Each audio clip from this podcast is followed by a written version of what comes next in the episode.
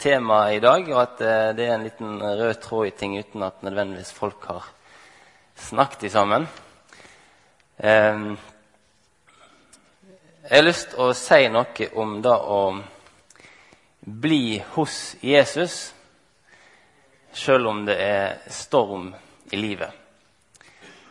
Eh, og det vi skal på en måte være i billedlig talt, er eh,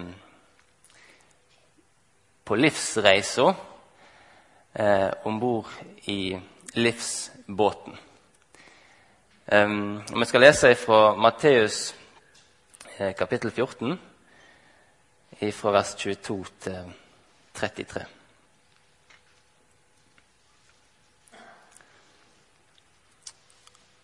Og det står sånn Straks fikk Jesus disiplene sine til å gå i båten og dra foran ham til den andre siden, mens han sendte folkeskarene av sted. Og da han hadde sendt skarene av sted, gikk han opp i fjellet for seg selv for å be. Og da kvelden kom, var han alene der. Båten var nå midt ute på sjøen og ble kastet hit og dit av bølgene, for vinden var imot. Men i den fjerde nattevakt kom Jesus til dem. Han kom gående på sjøen. Og da disiplene så ham komme gående på sjøen, ble de forskrekket og sa:" Det er et spøkelse, og de skrek av redsel. Men straks talte Jesus til dem og sa:" Vær ved godt mot. Det er meg. Vær ikke redde. Og Peter svarte ham og sa, Herre, hvis det er deg, så be meg komme til deg på vannet. Han sa, Kom. Og Da Peter var kommet ut av båten, gikk han bort over vannet for å komme til Jesus. Men da han så at vinden var så kraftig, ble han redd, og da han begynte å synke, ropte han og sa, 'Herre, frels meg.' Og straks rakte Jesus ut hånden sin og grep ham, og han sa til ham, 'Du lite troende, hvorfor tvilte du?' Og da de kom opp i båten, stilnet vinden. De som var i båten, kom da og tilba ham og sa, 'Sannelig, du er Guds sønn. Kjære Jesus, vi ber om å få et møte med deg. Vi ber om at du kan bli vår glede og vår trøst. Kjære Jesus, jeg ber deg om at ikke vi skal oppleve at det blir talt enkelt om ting, men jeg ber deg om å få nåde til å peke på deg. I ditt navn. Amen. Straks fikk Jesus disiplene sine til å gå i båten og dra foran ham til den andre siden. Mens han sendte folkeskaren av sted. Og da han hadde sendt skaren av sted, gikk han opp i fjellet for seg selv for å be. Og da kvelden kom, var han alene der. Den dagen som nå er slutt, er den dagen som eh, Jesus metter 5000 eh, menn, uten å telle kvinner og barn. Ut av to fisk, nei, to, fem brød og to fisk. Et stort under, og disiplene hadde hatt en innholdsrik dag. Og Denne kvelden var på mange måter, denne dagen var over, og disiplene ble sendt i båten for å reise over til den andre sida av Genesaretsjøen. Og så leser vi om Jesus, at han gikk opp i fjellet for seg sjøl for å be.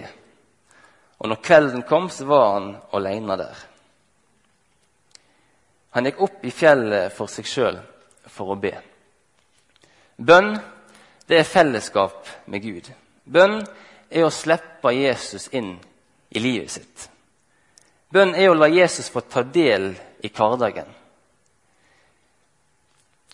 Bønn er å la Jesus få komme med sin makt, sine råd, sin glede, sin trøst, sitt håp i den situasjonen som du er i. Jesus ba. Vi vet ikke hva eller hvem Jesus ba om eller for. Det står ikke. Men jeg fantaserer. Jeg ser for meg at Jesus sitter der oppe på en høyde. og Så kikker han ned på Genesaretsjøen. Så ser han disiplene som han akkurat har sendt av gårde ut i båten. Og så vet han om stormen som venter. Og så ber han for deg. Han ber for disiplene. for de som snart skulle stampe hardt imot vinden. Og så så han ned på dem, og så ba han for dem. Vi vet ikke, for det står ikke. Men det står i Hebreerbrevet 7. Derfor har han også makt til fullkomment å frelse dem som kommer til Gud ved ham, ettersom han alltid lever for å gå i forbønn for dem. Jesus ber for deg. Jesus ber for oss. Har du tenkt på det i din hverdag, i ditt liv, at du har Jesus som sitter ved Guds høyre hånd og ber for deg? Ikke bare når han tilfeldigvis kommer på det, eller sånn i ny og ne, eller sånn en gang iblant. Men det står da han alltid lever for å gå i forbønn for deg. Og Jesus han ber ikke overfladiske bønner, men han kjenner deg fullt ut. Han kjenner din framtid, og han vet hva du trenger. Jesus ber for deg. Båten var nå midt ute på sjøen og ble kastet hit og dit av bølgene, for vinden var imot. Hvor mange ganger før hadde ikke disiplene reist over Genesaretsjøen? Hvor mange ganger før hadde de ikke lagt utpå, sånn som denne gangen her? Flere av disiplene var yrkesfiskere og de kjente sjøen som sin egen bukselomme. Men denne gangen ble det annerledes. Denne gangen ble det ikke som de hadde forventa. Når de hadde rodd mellom seks og ni timer, så var de ikke kommet lenger enn rundt tre kilometer. Og kanskje var de slitne, og helt sikkert var de redde. Genesaretsjøen ligger rundt 200 meter under havoverflaten. Og rundt Genesaretsjøen så er det høyder og fjell. Og i tillegg til det så ligger Genesaretsjøen helt nord i sånn østafrikansk riftdal. Og det gjør at dette området kan rammes av jordskjelv. Og det på en måte ligger til rette for plutselige og uventa stormer. Naturen har på en måte lagt opp til det. Og Derfor er det ikke uventa at på den lille sjøen, på det lille havet, så er det ofte storm helt uten videre. Plutselig blåser det opp. Og Denne natta var det kanskje ikke jordskjelv, men disiplene var kommet opp i en uventa og plutselig storm. Og Nå sa jeg at vi skulle snakke om det å være hos Jesus sjøl om det er storm i livet. Og Jeg vet ikke om du kjenner deg igjen i disiplene sin situasjon. Men ofte har vi lett for å tenke at vi har kontroll på livet. At vi på mange måter kan forutse framtida og på en måte være sikre på at det blir sånn som vi tror at vi er usårbare. Flere av disiplene de var erfarne fiskere og båtførere. Men denne kvelden så hjalp ikke deres egen dyktighet. Denne kvelden var de redde, og de frykta for livet sitt. De hadde ikke kontroll. Mennesker opplever plutselige og uventa stormer. Eh, politimann eller prest som kommer på døra med beskjeden 'Dessverre, han overlevde ikke ulykka'. Noen ser på mobilen at de har et ubesvart anrop, og når de ringer opp igjen, så var det fortellingen om legen som hadde dårlige nyheter. Venner som bare skulle på en biltur, men som aldri kom tilbake. Snarturen til legen som ble så fryktelig lang. Du mista jobben. Familien gikk i oppløsning. Storm i livet. ulike typer bølger, ulike typer vindkast. Rundt klokka halv åtte om morgenen 24.9.2008 så ringte telefonen min. Det var en av søstera mi som ringte. Eh, far min hadde ligget på sykehus en stund. Og nå eh, fikk vi beskjed om at vi måtte skynde oss. For han var blitt veldig dårlig. Og Jeg sto fort opp og jeg gikk for å gjøre meg klar og skyndte meg. Det gikk ikke mange minuttene før det ringte på nytt. Og um, de hadde ringt fra Haukeland, og uh, historien endte med at pappa var død. Båten var nå midt ute på sjøen og ble kasta hit og dit av bølgene, for vinden var imot. Det var ganske unntakstilstand i livet. Eh, de siste månedene har det handla om sykebesøk, om trøst, om oppmuntring, om tålmodighet. Vi hadde bedt, vi hadde salva, vi hadde lagt hendene på. Vi hadde bedt om helbredelse. Vi hadde håpt. Men han døde. Dagene var telt.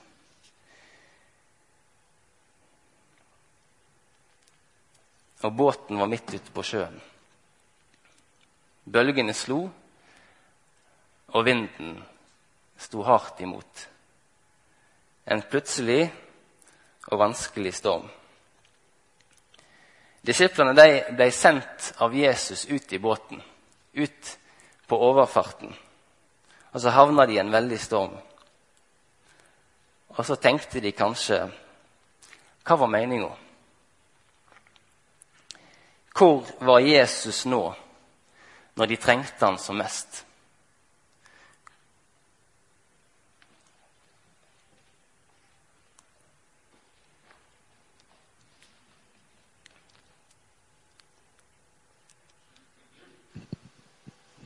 Der var lyd. Hvor var Jesus når de trengte han som mest? Og eh, Grunnen til at jeg snakker om dette, er ikke fordi at jeg har en slags sånn stor interesse av å stille meg fram for folk og snakke om ting i livet som har vært vanskelig. Eh, men jeg har møtt mennesker, og jeg har møtt i mitt eget liv, at i møte med vanskelige ting i livet så dukker det opp vanskelige spørsmål. Og mange mennesker syns det blir så mange vanskelige spørsmål at livet med Jesus blir for vanskelig. Og så velger en å gå bort. Hvor er Jesus nå? Skulle ikke Jesus ha gjort noe? Skulle ikke han ha avverga? Hva er meninga? Er det en mening? Fins Jesus? Fins det en Gud? Er ikke han allmektig? I Johannes evangelium, kapittel 11, så møter vi en historie som mange måter handler om det samme som denne i Matteus, men i en helt annen sammenheng. Jesus han eh, hadde et nært og godt eh, forhold til Lasarus og søstrene hans, Maria og Martha. Som eh, historien forteller, så ble Lasarus sjuk. Han ble veldig sjuk. Og så sendte de bud etter Jesus, og så sa de, 'Herre, han som du elsker, er sjuk.' Og Jesus fikk eh, budskapet, han fikk beskjeden. Og så står det at han drøyde enda to dager med å komme. Han drøyde med å komme. Og I vers 17 i Johannes 11 så står det sånn Da Jesus så kom fram, fant han at Lasarus allerede hadde ligget i graven i fire dager. Og så møter han Martha og Maria fra vers 21 med ordene Herre, hvis du hadde vært her, hadde ikke min bror vært død. Det var Martha. Og Maria møtte Jesus senere med de samme ordene. Og begge to avslører en tanke om at de mener at Jesus var for seint ute. Han kom for seint. Og på mange måter så ser det ut til at Jesus kom for seint. Lasarus var jo død. Men kommer Jesus noen gang for seint? Jeg tror Jesus mange ganger kommer seint. Men jeg tror aldri han kommer for seint. Når Jesus først kommer til Martha og Maria, så er det med budskapet 'Din bror skal stå opp igjen'. Og så kommer ordene som henger på så mange vegger, og som klinger i så mange sinn. Jeg er oppstandelsen og livet. Den som tror på meg, skal leve sjøl om han dør. Martha og Maria måtte kjempe med at Jesus kom seint. Og kanskje på mange måter for seint. Men de fikk oppleve at Jesus reiste opp igjen broren deres. De fikk oppleve hans hjelp i en vanskelig situasjon. Og Jeg sto på badet og gjorde meg klar for å gå til sykehuset til Haukeland. Og det var ikke lenger grunn til å skynde seg. Pappa var død, og jeg ville uansett være for seint ute. Og mens jeg sto der, og det virra utallige spørsmål i tanken min Vi hadde jo bedt, vi hadde salva. Skulle ikke han da bli frisk? Skulle dette enda sånn? Hvordan ville livet bli nå? Og midt i den situasjonen så på en måte kommer ordene i tanken min. Jeg er oppstandelsen og livet. Den som tror på meg, skal leve sjøl om han dør. Og Den setningen fulgte meg gjennom dagen. Gjennom tida som fulgte, og tida som har gått. Disiplene de var ute på sjøen, og bølgene stampa imot, og vinden sto imot. Det står det sånn i vers 24. Men i den fjerde nattevakt kom Jesus til dem. Han kom gående på sjøen. Og Legg merke til uttrykket 'den fjerde nattevakt'. For det var sånn at natta var delt opp i fire vakter. Den første nattevakta var jeg fra klokka seks til ni på kvelden. Og Det kaltes for kveld. Så kom nattevakt nummer to, som kaltes midnatt, fra klokka ni til tolv. Den tredje nattevakt kaltes hanegal og gikk fra tolv til tre. Og så var det den siste nattevakta, den fjerde, som kaltes morgen, og gikk fra tre til seks på natta. I den fjerde nattevakt kom Jesus til dem. Når natta var på det mørkeste, når det på en måte var nesten kommet gjennom, da kom Jesus. Og mens Jesus var der, så rant natta ut, og så overtok dagen og lyset. Disiplene var redde bølgene som slo mot båten. De som var erfarne båtførere, var livredde for å gå under. Men de tingene som de frykta, og de problemene som sto imot dem, de bølgene som slo imot dem, ble nettopp stien som Jesus brukte for å nå fram til dem. Hans sti ble problemene og vanskelighetene som de møtte. Døden er brutal. Og stormen i livet som en opplever, virker Ja, en kan på mange måter ikke stå imot. Og mange av oss er redde. Men sjøl døden er underlagt Jesus. Og alt annet er òg underlagt ham. Jeg er oppstandelsen og livet. Den som tror på meg, skal leve sjøl om han dør. Storm i livet kan komme plutselig og overraskende. Denne fortellingen viser oss at Jesus sitter ikke bare på avstand oppe i fjellet og ser ned på disiplene. Men når stormen ramma, og de var livredde, så kom han gående til dem på sjøen. Han kom nær. Og I stedet for å gå vekk fra Jesus når de vanskelige spørsmålene og de vanskelige tidene kommer, så skal vi få lov til å la Han komme nær. La Han få komme med sin omsorg og trøst. Og så skal vi få lov til å la Han ta seg av sorg og sinne og tvil og hjelpeløshet. Og Det er en ting som er flott å legge merke til i historien om Lasarus og Martha Maria. For Martha hun møtte Jesus med tankemessige problemer. Hun hadde behov for å få retta opp i trusspørsmål og teologiske ting. Det er da samtalen mellom de to handler om når de møtes.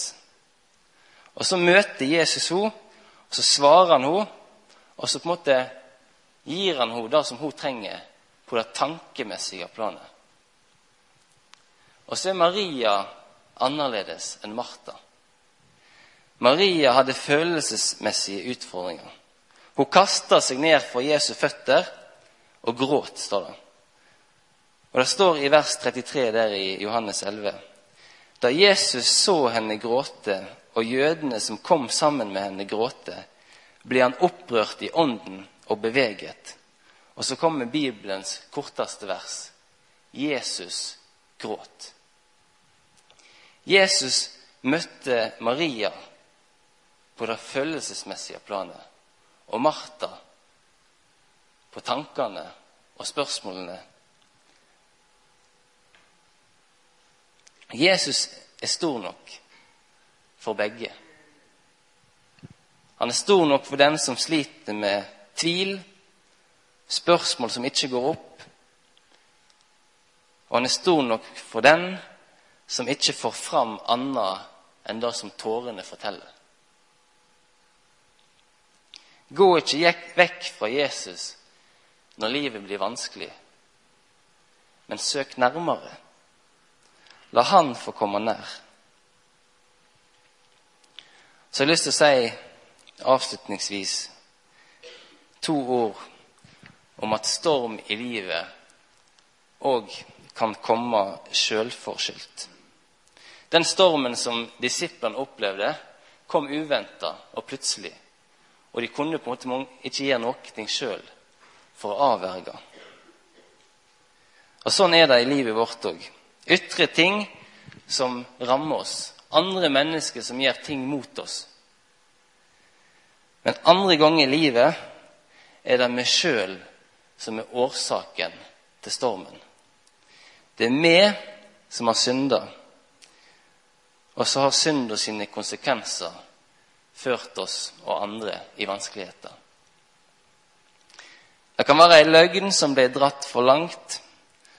Det kan være noe du tok som ikke var ditt.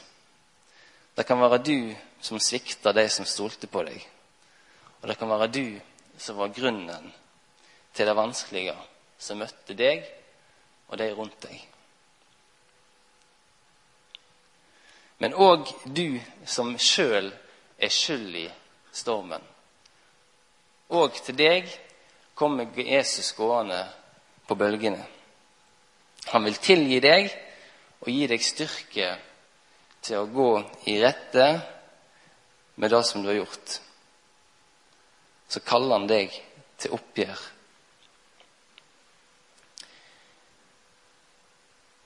Jesus kom gående til dem på bølgene, så var det ikke sånn at eh, med en gang Jesus kom, så stilna det. For før det stilna, så skjer historien om Peter som prøvde å gå på vannet. Det gikk ei lita tid, det gikk ei stund før bølgene la seg. Og Sånn er det med oss òg. Selv om en har Jesus i livet og det stormer, så blir det ikke alltid stilt med en gang en påkaller han. Men han kom til båten med setningen 'Vær ved godt mot, det er meg'.